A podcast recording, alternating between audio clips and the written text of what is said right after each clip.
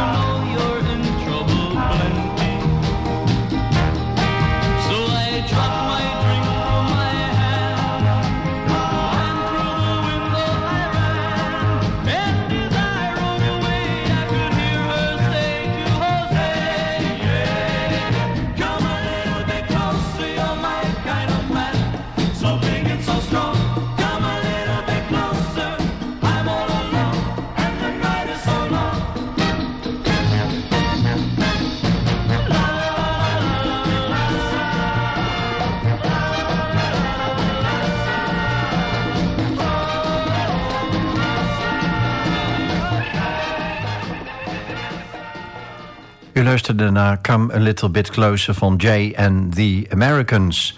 Uh, de eerste van vier stellingen. Herman Brugging, ambulance hulpverlener... en vandaag de gast in de Blauwe Barometer.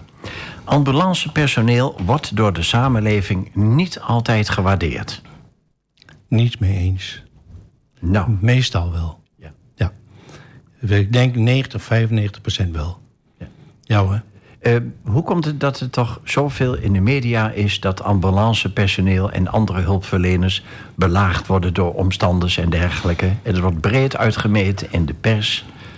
Ja, ik denk dat het hem toch een beetje breed ligt. Nou, dat wil ik graag van je horen. Ja, uh, ik denk dat het al begint bij, het, uh, bij de melding. Um, wat heel veel mensen niet weten, ik zal even een beetje recht de microfoon breien. Wat heel veel mensen niet ja. weten, is uh, dat als je belt, je belt met 112, dan zijn er meerdere centralisten. Eén centralist die luistert naar jou, wat jij te vertellen hebt, waarom jij iemand of waarom jij een ambulance nodig hebt. Ja. Wat er aan de hand is. En op basis van die uh, melding wordt er een ambulance weggestuurd. Naast, laat ik het dan zomaar zeggen, naast die uh, centralist die de melding aanneemt, daar zit iemand die is al lang bezig met die ambulance. En dat weten de mensen vaak niet. En dan denk je waarom vragen ze nou zoveel, zoveel? Maar daarnaast zit wel iemand die dus al de, bezig is uh, met die ambulance. Die is al onderweg.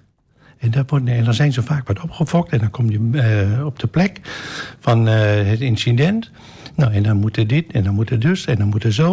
Nou, en dan probeer je daar een beetje de rust in te creëren. Wat ook vaak is, dat is de andere kant van het verhaal... heel vaak zie je het, dat mensen daar uh, op dat moment onder invloed zijn van uh, middelen als drank of drugs. Ja. En dan is op een of andere manier gaan ze heel anders reageren. Ja. Stelling 2. De levensreddende handelingen zijn het mooiste en dankbaarste van ons vak. Daar vind ik, ben ik helemaal mee eens. En kun je dat nader verklaren? Uh, ja, als je ziet dat je een levensreddende handeling doet... Ja, maar dat je dan ook een resultaat ziet.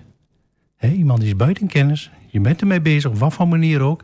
En je ziet dat iemand uh, ja, daarin, daarin uh, beter wordt, zeg maar, hersteld. Ja. Je ziet het resultaat van je, je, ziet handelingen. Resultaat, ja. Iemand sterft niet, maar nee. blijft in leven. Precies. Stelling 3. Als ambulancebroeder ben je verpleegkundige en psycholoog tegelijk. Ja, dat klopt. Dat klopt. Je moet van vele markten thuis zijn. En welke kant uh, van je, beroep spreek je dan het, het meeste aan? De psycholoog of de, de verpleegkundige? De verpleegkundige, ja.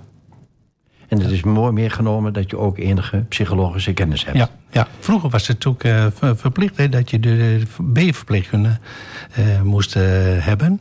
om op de ambulance te komen als verpleegkundige. Want? Dat was in het begin, hè.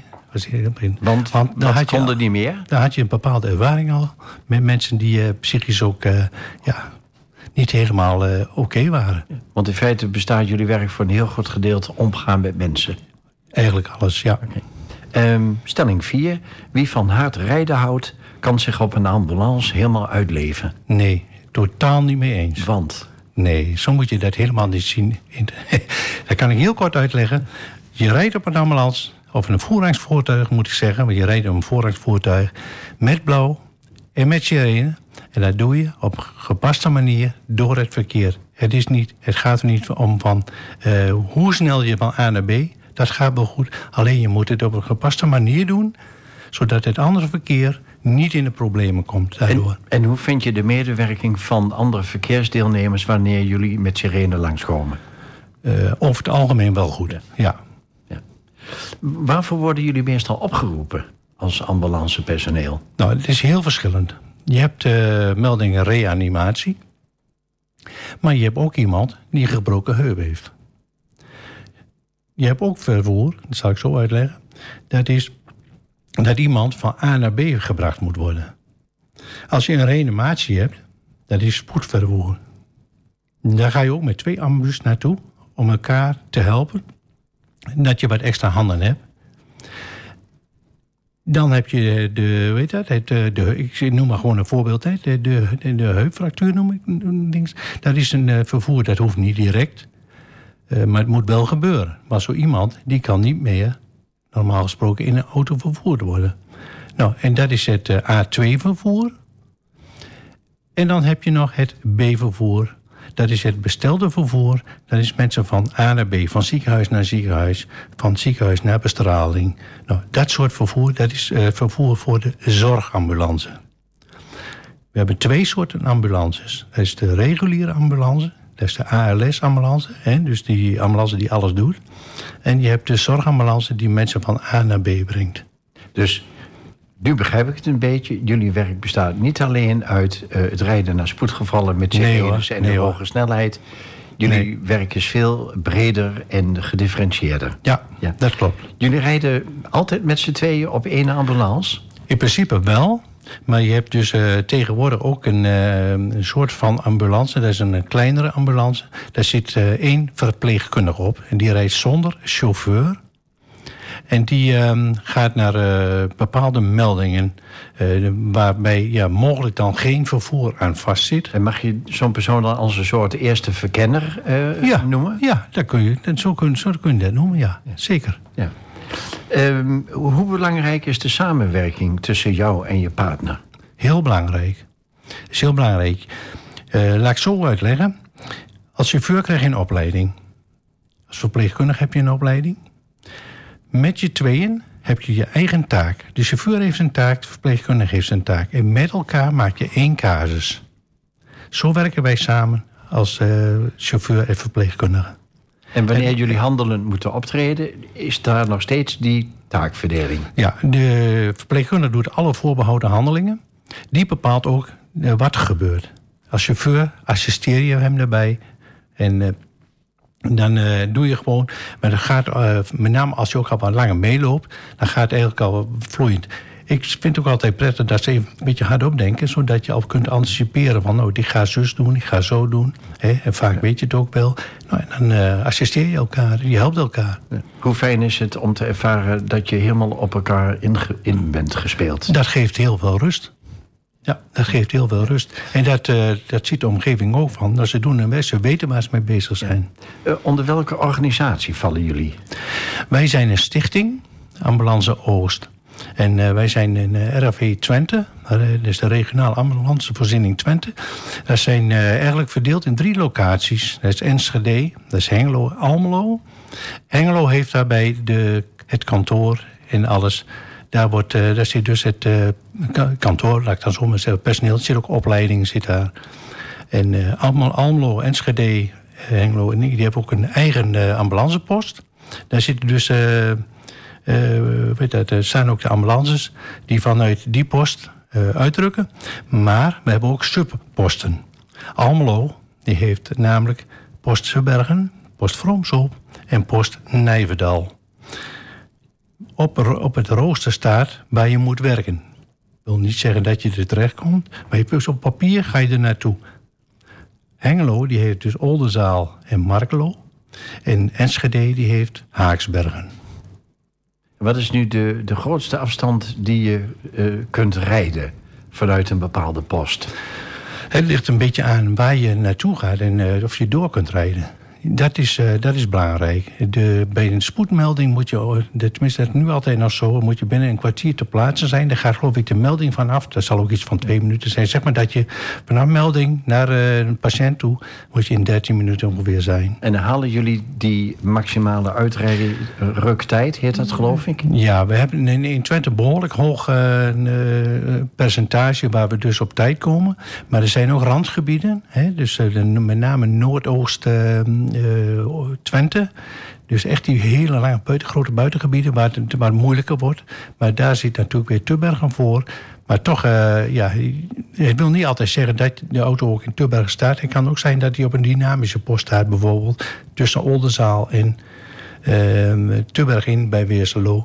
Maar dan heb je die aanrijdtijd, of dan kun je niet op tijd komen. Maar in principe dan uh, lukt het regel, ja, lukt het goed. Oké, we gaan even terug naar de vorige week. Want toen was de gast uh, gemeenteraadslid voor Leefbaar Almelo, uh, Bert Hummels. En uh, ja, in het hitst van de strijd hebben we helemaal vergeten hem een vraag te laten stellen aan jou. Dat kan gebeuren. Maar je mag wel een vraag stellen aan Marieke van Doorn, gemeenteraadslid voor LAS. En die is volgende week te gast. Dus Herman, ga je gang. Nou, ik was vanavond in Almelo. Ik moest hier zijn. Hè? Ik kwam vanuit Rijssen. En um, Ik, wat mij opviel, dat ik moest parkeren. Nou, en dan kom je hier en dan moet je parkeren. Nou, en dan moet je betaal parkeren. Nou, oké. Maar wil ik vragen wel, wanneer wordt het betaalparkeren in Almelo afgeschaft? En waarom gaan ze gewoon werken met blauwe zones? Oké, dat is een hele duidelijke vraag. En daar zal ze ongetwijfeld een goed antwoord op geven. En, en welke handelingen jullie zoal verrichten... misschien hebben we het daar zojuist al over gehad... maar dat vraag ik je straks nog even.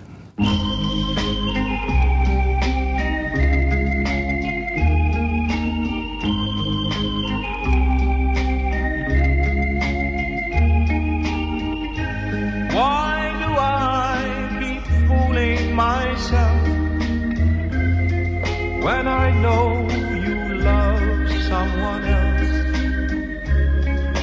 Only a fool breaks his own heart.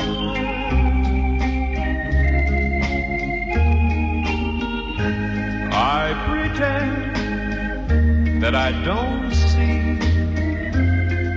when you walk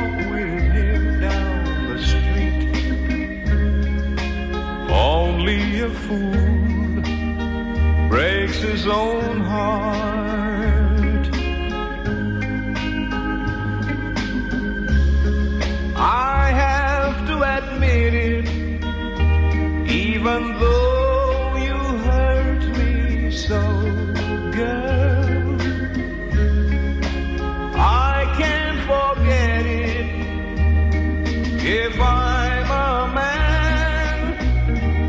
Let you go. It's no use trying to hang on to a love already gone. Only a fool breaks his own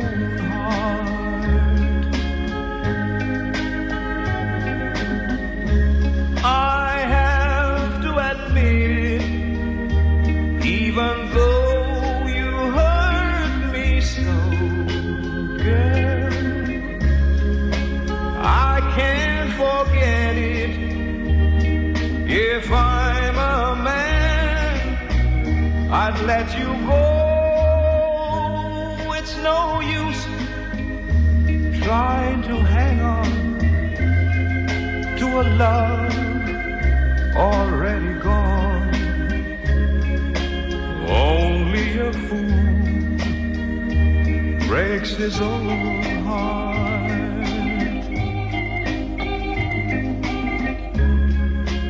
Only a fool breaks his own.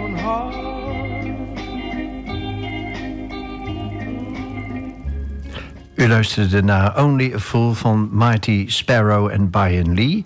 Uh, welke handelingen verrichten jullie zoal, Herman? Dat is uh, ja, verschillend. Natuurlijk bij, uh, per, per, per. Maar wat uh, wij doen is... we, we, moeten eigenlijk, eigenlijk zo beginnen. Je begint bij een bepaald systeem. Bijvoorbeeld een bepaald stra, stramien. En dat is via het ABCD-protocol. Het A, dus de ademhaling, de breathing, van uh, gaat de ademhaling goed. En de C van de circulation, hè, dus de, het met de bloeddruk gesteld. En de D, uh, moest iemand daar spreekbaar, noem maar op. Nou, we werken volgens dat principe. Als iemand een probleem heeft in de A, dus de ademweg... dan moet je eerst zorgen dat die vrij is en vrij blijft. Anders gaat zo iemand dood. Dus daar moet je voor zorgen. Nou, en daar zijn bepaalde handelingen voor. Dat kan zijn, uh, ik noem maar wat, bij, uh, bij dat, dat, mensen een ademhalingsstilstand hebben, dat je bijbeademt. Maar het kan ook zijn dat je een pijp inbrengt. Dus dat soort handelingen. Wat ook handelingen zijn, is uh, alvast... de meeste patiënten bij ons krijgen een infuusnaaltje. Daar doe je uit voorzorg. Maar mocht er onderweg wat gebeuren, dan hebben ze al een toegang. In het ziekenhuis krijgen ze toch meestal een infuusnaaltje... En dan doen wij er alvast. En mocht er wat zijn, dan kun je medicatie toedienen. Ja. Welke handelingen komen nu het meeste voor? Wat komen er meeste voor? Ik denk die voesnaal prikken. Ja. ja. Ja, dat is eh, het meeste. En eh, ja, en, eh, alle handelingen zullen een keer aan bod komen. Maar dat is ja, net heel afhankelijk, dat kun je altijd niet zeggen. Nee. En hoe ga je nou te werk wanneer iemand bijvoorbeeld zijn, zijn, zijn been heeft gebroken?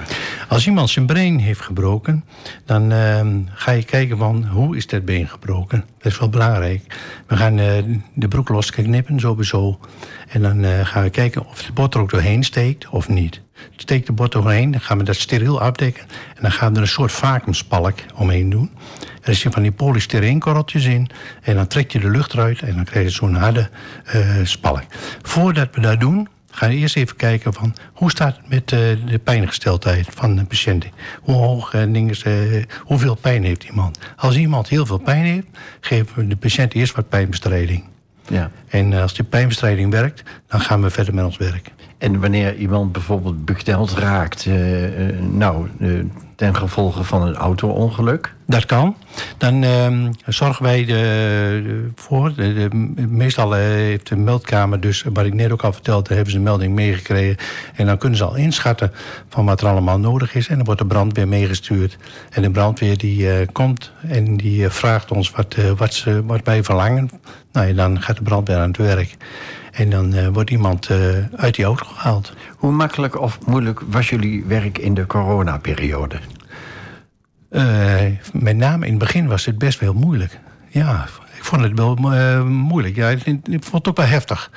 Ehm meest ja, staat je bij van mensen die helemaal echt totaal in paniek, helemaal blauw en benauwd binnenkwamen. Grijpend naar de, naar, wij happen naar de lucht. Dat vond ik wel heel indrukwekkend. Ja, en waren jullie in de beginperiode, hè, want daar praat je over, Ja. waren jullie voldoende beschermd?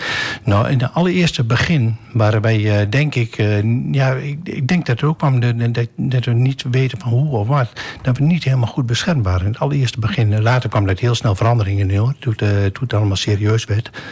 En, ehm, maar in die periode zijn ook heel wat collega's ziek geworden. Ja. Ja. En, en ehm, hoe vaak moest je op een dag, want af en toe hoorde je, ik weet niet hoe vaak de sirene gaan van de ambulance. Ja, ja. En En dan leek het bij ons, eh, burgers overkomen, alsof maar eh, de ene na de andere patiënt naar het ziekenhuis werd gebracht. Nou, maar ik denk dat het ook van. eh, dat, we een goed beeld bij had. Dat het ook zo was. Op een gegeven moment, en weet ik nog best dat een keer. moesten dus de patiënten afleveren op het ziekenhuis. De verpleegkundige die gaat achterin helemaal in beschermde kleding eh, bij de patiënt. Zo min mogelijk handelingen doen. Hè, om die besmetting, dat ze zelf niet besmet raken. Maar de chauffeur die blijft dan buiten de auto. En die zorgt dan dat de eh, ontsmetting. We hebben zo'n speciale haispray en eh, dings wat erin gaat. eh, ontsmettingsspray. En dan eh, weet ik nog dat we een keer op met zes ambulances op een rij stonden. Om eh, die ambulances te ontsmetten. Zo, Een soort filevorming, ja. Ja. En dan moet u uitgaan van ongeveer een half uur per auto. Dus ik kan me nagaan dat eh, de meldkamer in die tijd ook eh, met de handen in het haar zat soms. Van eh, waar haal ik al die ambus vandaan? Als ik dit zo beluister, dan moet dat een ongelofelijke belastende periode voor het personeel zijn Het is geweest. een enorme belastende periode geweest voor het personeel. Ja, absoluut. En, en nog, de- die- je ziet het nu wel weer toenemen. Alleen het is nu anders. Je gaat er iets anders mee om. Niet, niet minder, eh, je bent niet minder alert, maar je gaat er anders mee om, denk ik. Wat Ja. makkelijker, ja. Wat zijn jullie door die coronaperiode anders gaan doen op de ambulance of bij de hulpverlening? Ehm, gewoon eh, op basis van die, de benadering. Je komt nu bij patiënten, van, dan zeg je al snel van... eh, zou die geen corona kunnen hebben? En dan moet je daar attent op zijn. Want je kunt het alsnog natuurlijk weer oplopen. Ja, en hoe stel je dan de diagnose dat iemand... Dat is, dat is voor ons lastig. Wij, eh, als wij iemand verdenken van, eh, nou, die zou wel eens corona kunnen hebben, dan zorgen wij dat we in ieder geval eh, beschermde kleding weer aan hebben. En van in ieder geval een ding is, eh, ik blijf dan als chauffeur zijn wat op afstand en waar kan. En doe ik een mondkapje op. En de verpleegkundige die zorgt dat hij goed eh, beschermd zeg maar, bij die patiënt aanwezig is. En dan gaan we een inschatting maken. En dan wordt het ook doorgegeven aan het ziekenhuis. Want we hebben hier een patiënt, nou, eh, die, die komen we aanbieden. En eh, ja, die verdenken we mogelijk door koorts, bijvoorbeeld hoestenkoorts, van corona. En dan worden ze in het ziekenhuis getest. Ja. Nou, zo dadelijk vraag ik je of jullie voldoende personeel kunnen werven.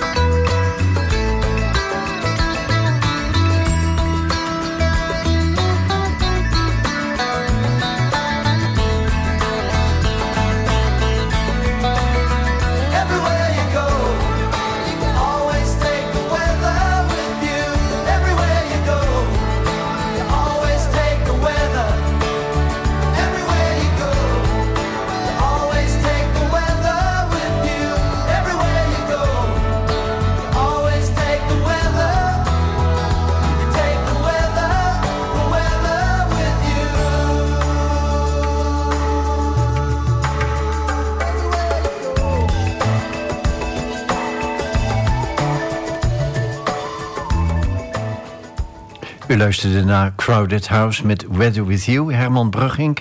Uh, het zijn krappe tijden op de arbeidsmarkt. Iedereen schreeuwt om personeel. Kunnen jullie voldoende personeel krijgen? Bij ons in het oosten kunnen wij genoeg personeel krijgen. Ja, en dat ligt elders anders, begrijp ik dan van ja. jou? Ja, in het westen van het land. In het midden weet ik niet. In het westen en het midden, eh, dat weet ik niet. Maar in ieder geval in het westen wel, is er een enorme uh, personeelstekort. Ja. En hoe lost men dat daar dan op?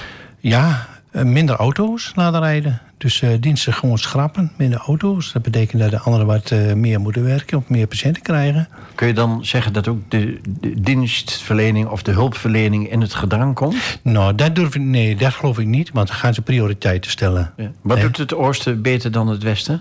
Ik weet het niet. Ik heb geen idee. Maar uh, misschien mentaliteit, ik heb, ik heb geen idee. Maar uh, als er hier uh, een sollicitatieronde is, dan zijn er vaak heel veel aanmeldingen. Oh, want de volgende vraag is dan welke opleiding je nodig hebt of, hè, om zeg maar ambulance ja. hulpverlener te kunnen worden. Ja, begin ik bij de verpleegkundigen. Nou, die moeten sowieso een verpleegkundige opleiding hebben. Tenminste, in, uh, hier in Twente doen we het wel zo. Er zijn andere mogelijkheden. Maar ik hoop dat we daar nog, uh, daar nog niet mee te maken krijgen. Maar goed, uh, je moet dus verpleegkundige zijn. Als, sowieso, maar dan moet je gespecialiseerd zijn. Je moet dus ehm, de, eerste hulpopleiding hebben. En of IC. En dan liefst brede basis. Dus dat je echt uh, medisch goed georiënteerd zijn, bent en uh, de medische handeling ook goed kunt verrichten. En hoe ver zijn er dan ook mogelijkheden bij jullie om, uh, nou, om stages te volgen bijvoorbeeld? Wil je als verpleegkundige op de auto, dan bestaat er altijd, dan moet je even via het kantoor in Hengelo bellen met de receptie. Dat staat allemaal op de site van Ambulance Oost. Daar staat trouwens ook de informatie op uh, over de opleidingen. Maar daar kun je altijd uh, een stage aanvragen om te kijken van hoe het gaat en of het je wat lijkt. Dus dat is altijd mogelijk. Dus voorlopig hebben jullie nog geen klagen over, de, over de aanwas van nieuw personeel? Nee, gelukkig niet. Nee. Nou, en chauffeurs, dat is, uh, dat is de andere kant. Dat is, voor chauffeur moet je sowieso, dat is, klinkt misschien nog gek, maar de, en ik bedoel dat niet denigreer, absoluut niet. Maar een HBO-diploma en een uh, vrachtwagenrijbewijs, en je bedoelt met de reanimatie erbij, dat is voldoende om ja. binnen te komen. Dat uh, is de huidige eis tegenwoordig. Maar uh, het is gewoon zo, uh, als je solliciteert en je hebt bijvoorbeeld al iets in zorgachtergrond, dan moet je gewoon gaan solliciteren. En, en uh, je kunt het natuurlijk ook heel goed leren in de praktijk, hè? zoals de meeste mensen in de praktijk dingen ja, leren. Ja, ja, ja, je krijgt ook uh, de opleiding. Als je binnenkomt, dan ben je er nog lang niet. Dan, uh, als chauffeur zijn, dan ga je een opleiding volgen. Die doet geloof ik negen maanden tegenwoordig. En uh, daar ga je eerst zes, zes maanden ga je dus leren en werken. Dus je gaat naar de academie in Harderwijk, de Ambulance Academie. Daar ga je proberen je, je, dat, je lessen te volgen. En uh, tot, uh, met uh, tussenassessments. Die krijg je dus voor elk blok, ik geloof dat totaal negen blokken zijn, krijg je een tussenassessment. Heb je dat gehaald, dan krijg je op een gegeven moment, geloof ik, bij de chauffeurs na zes maanden een go of no-go. En dat betekent dus uh, dat ze na zes maanden gaan kijken van nou, je bent geschikt om alleen op de auto te gaan of niet. En dan ga je onder, een, uh, onder supervisie van een coach, ga je nog die laatste drie maanden verder tot je je einddiploma behaald hebt. Ja. Uh, de verpleegkundigen, die gaan ook hetzelfde traject in. Die hoeven dus niet te rijden of wat dan ook, maar die gaan dus hetzelfde traject in. En ze moeten van een reanimatie tot aan een geboortekind, alles alles wat daartussen zit, de psychiatrie, alles wat daartussen zit, daar krijgen ze ook die opleiding en scholing, aparte scholing uh, voor op die ambulanceacademie. Ja. Want er worden wel eisen gesteld en dat vinden jullie terecht? Dat vinden wij heel terecht en dat is ook nodig. Ja. ja. Um, je bent als ambulance hulpverlener heel actief op de sociale media. Ja. Wat, wat doe je zoal? Ik vind dat gewoon leuk uh, uh, om te doen. Uh, de mensen, uh, je moet de mensen proberen de, de, de publiek erbij te betrekken. Dat ze niet, uh, maar dat je ook informatie kunt geven van waar zijn ze, ze rijden wel, maar waar zijn ze mee bezig. Afgelopen week was er dus een, een, een zo'n volgavond voor de uh, rapid respondent verpleegkundige alleen op de auto. Nou, en zo geef je dus de mensen uh, informatie over je werk. En het is gewoon de betrokkenheid van het publiek naar de ambulance dienst toe. En is dat een bewuste keuze om op deze manier te communiceren met de burgers? Ja, het is een makkelijke manier. Wat krijg je terug van de mensen die eh, nou, jouw posts lezen? Eh, je krijgt de, de, de meest gekke reacties, eh, mooie reacties ook. Dus eh, dit dit is, eh, ja. Het is, een, het is een aanwinst. Mooi.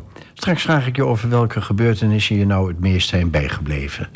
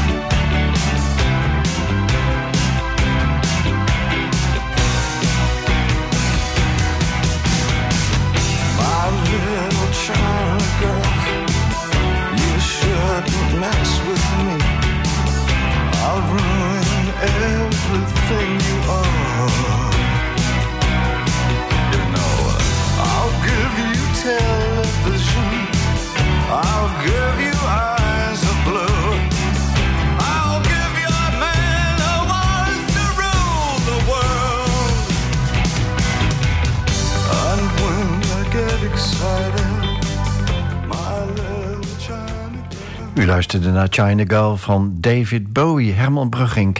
Zonder in sensatie te vervallen. Sommige gebeurtenissen staan denk ik nog steeds op je netvlies. Zou je één of twee van die gevallen kunnen noemen? Nou, je, je, je, je stelt dat die vraag en ik, eh, ik heb er even over nagedacht. Wat ik wel heel bijzonder vond, wat ik uh, dings, wat me nog in geheugen heeft uh, gegrift staat. eh, vorig jaar is dat hier in Almelo gebeurd. Toen met, eh, met de kruisboogschutter. Daar ben ik dus ook bij geweest. En dus aan de zijkant. En eh, de melding, zo we die binnenkregen, toen we ter plaatse kwamen. En op het moment dat ik uit de auto stapte, waren ze aan het schieten. En dat bleef me bij. Ik dacht van, hè, dit is echt. Dat vond ik heel, ja, dat vond ik wel heel indrukwekkend. Je was niet in een film beland. Ja, ja maar zo, zo leek het eigenlijk wel. Je stapt uit die auto en je hoort schieten. Ik denk, nou, wat is dit? Dus het is echt, wat, ja, het was allemaal net bezig. En ja, Nou, ik twijfel er niet aan dat je een hele avond zou kunnen vertellen over dit soort gevallen. Maar Oh, daar ja. gaat het in Ja, feite niet nee, om. nee, nee. En daarvoor zitten we ook niet eh, eh, in deze studio van de A-visie. Eh, of, of in dit geval van de AFM. Maar ehm, ik kan me voorstellen dat af en toe nazorg noodzakelijk is voor het ambulancepersoneel. Ja, natuurlijk. Ja, eh, er zijn natuurlijk hele heftige dingen die je tegenkomt. Hè. Er zijn dingen die een ander nooit ziet. Die zien wij. Ehm, meestal zijn we erop voorbereid. Je weet in je werk wat je tegenkomt. En meestal zijn we erop voorbereid. Eh, wat wij hebben is een, eh, een bedrijfsopvangteam. Dat hebben ze ook bij de brandweer, dat hebben ze ook bij de politie. We hebben eh, een bedrijfsopvangteam en dat wordt bemand. Moet laat ik het maar zo zeggen, door eigen mensen. Dat zijn mensen die weten wat je meemaakt, hè, gevoelsmatig. Omdat ze daar vaak zo ook eh soortgelijk gezien hebben. Mensen die met de laarzen in de blubber hebben gestaan. Ja, zo kun je het wel zeggen. Nou, en die eh, zijn erbij betrokken. En wat wij dan doen na een heftig incident is... we gaan naar een post toe en dan gaan we even koffie drinken... zullen we dat zeggen, aan de koffietafel. En dan gaan we erover praten. We gaan alles even op een rij zetten. Van, nou, wat is er gebeurd? En eh, hoe hebben we het gedaan met elkaar?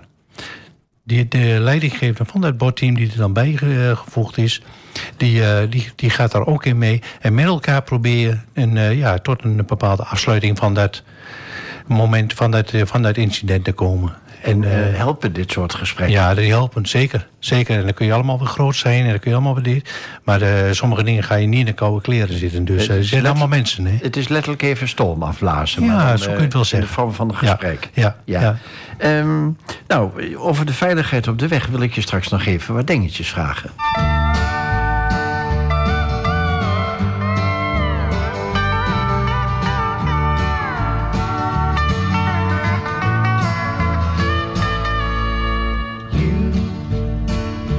Are on the road must have a code that you can live by, and so become yourself because the past is just a goodbye. Teach your children well their father's hell did slowly go by and feed them on your dreams. The one they picked the one you know by. Don't you ever ask them why if they told you you would cry. So just look at them and sigh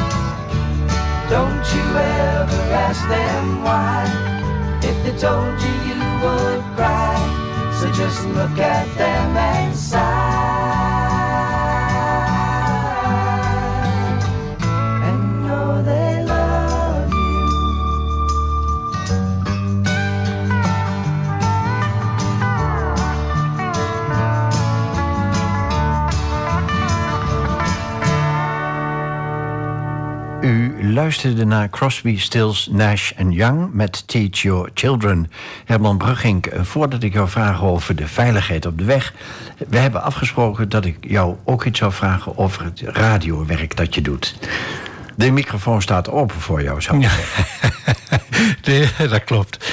Ik eh, ben zelf ook al eh, 14 jaar eh, vrijwilliger bij eh, de lokale radio Rijs en Holten, Radio 350. Dat doe ik altijd met heel veel plezier. Het is ook een, een beetje een uitlaatklep voor mij. Bijna elke dinsdagmorgen van eh 10 tot 12... dan eh doen we een uitzending met een eh, mevrouw uit Reizen. is eh Claire Overweg. En eh, nou, dat klikt gewoon. Hè. We hebben een eh, leuk muziek, muziekprogramma. En dat zenden we dan uit. En eh, ja, vind ik gewoon ontzettend leuk om te doen. En ehm, wat is het doel van het programma? Gasten uitnodigen of informatie geven? Of... Mm, Dat was wel zo. Maar we hebben een, eh, hadden, ja, een presentatrice die, eh, die eh, had gezondheidsreden. Om, die is gestopt om gezondheidsreden. Dat vonden we ontzettend jammer. Maar wel een hele goede keus. Vonden we echt jammer. En die was ontzettend goed in het eh, interviewen van mensen. En dat ging over vrijwilligers, voor vrijwilligers. Dus alles wat met vrijwilligersorganisaties te maken had. Die eh nodigden zij uit in de studio. Die konden hun ding eh, vertellen over de vrijwilligers. En vrijwilligers waren wat ze deden. En eh, ook een beetje promoten en zo. dat was ontzettend leuk om te doen. En kun je vertellen hoe je bij Radio 350 eh, verzeild bent geraakt? Ja, wel zeker. Ik kwam in, in contact met, met de Hetty Fight van de Radio eh, 350 toen. En Anja Brok. En ehm, die, die hadden een uitzending. En ik had dus geïnformeerd op een of andere manier. Nou, we kwamen zo aan praten. En toen ben ik uitgenodigd. En van het een kwam het ander. En voordat ik het wist, zat ik achter de knopjes. En wat vind je dan zo boeiend om de techniek te doen bij een radioprogramma? Dat vind ik gewoon eh, ja, ontzettend leuk. Je, de- je kunt op verschillende manieren de, de, de techniek doen. En eh, het schakelen met. En, ja, dat vind ik gewoon ontzettend leuk. Ja. In het voorprogramma heb je ook iets verteld over een spotprogramma dat je in je eentje hebt gepresenteerd. Dat, dat is een prachtig verhaal, dat wil ik eigenlijk nog wel, wil ik nog wel een keertje horen. Ja, dat klopt. In het begin heb ik eh, bij Radio 350, die sportprogramma is er nog elke zondag, zaterdagmiddag. Eh, maar eh, dat hebben we in het begin ja, gewoon ge- gepresenteerd. En dat, dat ging allemaal goed. Totdat er een keer dat ik het alleen moest doen. ik ben zo'n beetje drie dagen eh, ben ik helemaal van de wijs geweest. Daar, eh, omdat het zoveel is. Je hebt zoveel mensen, sportverslaggevers onder die lijnen zitten. En eh, je moet zoveel schakelen, en noem maar op. Je moet alles nog in banen leiden. Nou, dat is bijna niet te doen. En de ene die wilde een doelpunt eh bekendmaken. Precies, precies. En de ander wilde, wilde zijn verhaal Precies, doen. En, enzovoort, enzovoort. Ja. En jij moest een klein beetje overleven achter de microfoon. Ja, ja, dat klopt. En het is allemaal wel goed gekomen toen. Maar goed, maar ik vond het allemaal ja, heel leuk om te doen. Maar door, eh, door mijn werk, omdat ik geen nachtdiensten ook meer doe... heb ik eh, meer, eh, minder vrij overdag ook. En kon ik alles niet meer doen. En ik werk nu in plaats van twee weekenden... werk ik drie weekenden. Nou, enzovoort, enzovoort. Maar als ik straks stop met mijn werk... ik hoop binnen, binnen een paar jaar te stoppen... dan, eh, dan, eh, dan ga ik er zeker wat meer eh, tijd in steken. In het begin van het programma vertelde je hoe ongelooflijk professioneel het ambulancepersoneel is geworden. Ja. door de jaren heen. En hoe zit het met de veiligheid op de weg? Want het verkeer is natuurlijk ook enorm intensief geworden. En zeker ook na de coronatijd. Ja. Kun je de situatie van een aantal jaren geleden en nu met elkaar vergelijken op het gebied van veiligheid? Ja, je gaf in het begin al aan van we mogen mooi scheuren met die ambu, maar dat is totaal niet van toepassing. Eh, het, is, eh, het verschil is bij vroeger en nu, het is nu veel en veel drukker. Het verkeer, er is een enorme toename van verkeer. In het begin toen we reden, reed je gewoon eh, makkelijk overal naartoe. Maar je moet je nu overal tussendoor wringen om ergens te komen. Neem een voorbeeld, elke avond of elke morgen de weg van Nijverdal naar Wierden. Dan moet je je tussendoor wringen om daar eh, richting Almelo te komen. Nou, allemaal zulke dingen. Maar dat had je, vroeger had je dat niet. Maar eh, je moet toch, ze verwachten toch wel dat je op tijd eh, ergens komt. Ja, en daar, eh, daar word je op getraind. Hè? En je je krijgt er scholing op. Maar tussentijdse scholing op het werk gaat ook gewoon door. Ik eh, zit zo lang op de auto, maar in januari krijg ik gewoon nog weer rijles. Althans, dan mag ik eh, laten zien wat kan. En hoe vind je de medewerking van de andere verkeersdeelnemers... wanneer jullie nou, toch met een redelijke vaart en met loeiende sirenes... eh, Ja. nou, vragen om er langs of Ja. er door te mogen? Op, op zich wel, eh, gaat dat wel redelijk goed. Alleen je moet echt heel goed oppassen. Want er zijn heel veel mensen met andere dingen bezig dan met, met autorijden. En dan zijn ze met de telefoon bezig. En dan in één keer dan horen ze wat of ze zien wat. En dan, en dan kijken ze niet in de spiegel. En dan zien ze de auto voor... voor hem, dan zien ze dan eh, naar rechts gaan. Dan denkt van, raar, die gaat naar rechts gaan. Ik kwam naar links. Ja, dan zit je er net naast. Ja. Allemaal zulke dingen. Wat me op is gevallen, dat eh, sinds de snelheid overdag naar 100 kilometer eh, is gegaan... dat er nog steeds een aantal mensen zijn die denken... die linkerbaan die is vrij voor mij en daar mag ik wel 160 kilometer rijden. Ja, Nou, ja. ik heb daar zelf heel veel moeite mee. Ja, ja, ja, dat is nog zo hoor. Dan eh, komen wij aanrijden en dan eh, blijven ze maar links rijden. Dan denk, dan denk je van, eh, nou, dan wordt het toch wel eens een keer tijd. Maar goed, als chauffeur probeer je door de, de manier van het licht wat op die auto zit... probeer je toch door die spiegels te komen dat iemand jou opmerkt. En dan dat, je, dat hij alsnog aan de kant gaat. Maar het is inderdaad, het is, soms best wel vervelend. En hebben klopt. ze, hebben ze wel eens geprobeerd om jullie van de weg te rijden met een ambulance? Ja, dat is wel gebeurd. Ja, ja. dat is zeker gebeurd. Ja. En dan moet je toch rustig en kalm blijven. Dan moet je rustig en kalm blijven. Ja, zeker. Ja. Ja. Nou, ehm, we gaan zo heel langzamerhand in de, nou, naar het einde toe van dit programma. En eh, nou, dan wil ik je toch nog een paar van die vraagjes stellen die aan iedere gast eh, worden gesteld. En dat is dan het bekende toverstokje. Want als je dan een toverstokje had, wat zou je dan in of aan de wereld willen veranderen? En dat mag ook eh, op, je, op het gebied van je beroep zijn. Nou, ik zou eh, willen veranderen dat, eh, dat mensen eh, ja, wat, wat, wat beter met elkaar ja, omgaan. Het is nu allemaal met een kort lontje. Ik zag vanmiddag ook nog een heel klein voorbeeldje op de, op de weg, gewoon privé.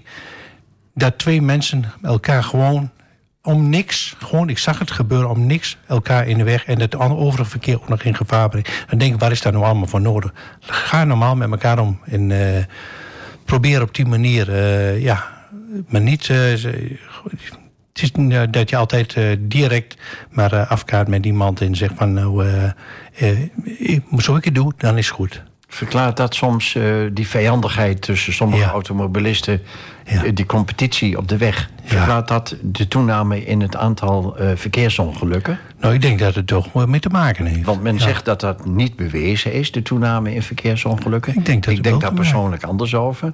Hoe zie jij dat? Ja, als ik dan vanmiddag zie, dan hoeft maar niks te gebeuren. Maar ik heb bewust, ben ik, heb ik me helemaal terug laten zakken.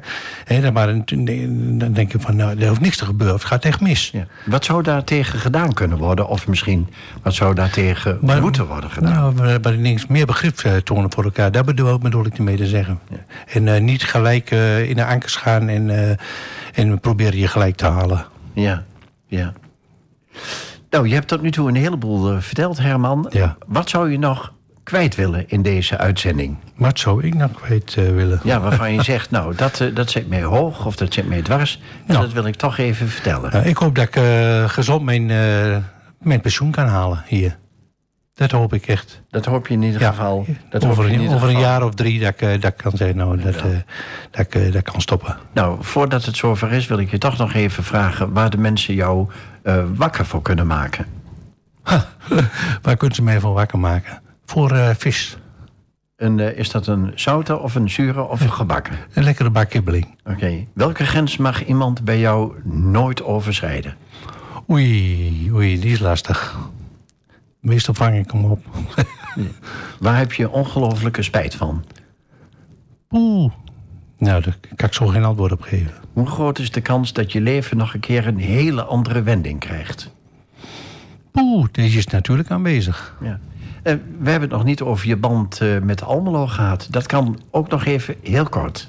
Mijn band met Almelo is dat ik eh, elke morgen van Rijssen naar Almelo rij en naar de Past. Ik heb zo geen persoonlijke band met Almelo. nee, nee, alleen dat mijn werk hier is. Nee. Wat vind je van Almelo, voor zover je kunt bekijken? Ik vind het een mooie stad om in te werken. Ja, absoluut. Ja. Ja. Nou, ehm, dat is een heel mooi verhaal, Herman. Ehm, wij willen jou, Tobias en ik, ontzettend hartelijk bedanken... voor het feit dat je te gast wilde zijn. ja, ik hoop dat het allemaal een beetje duidelijk was eh, wat ik verteld heb. Ongetwijfeld. En eh, bedankt voor de uitnodiging. Graag gedaan.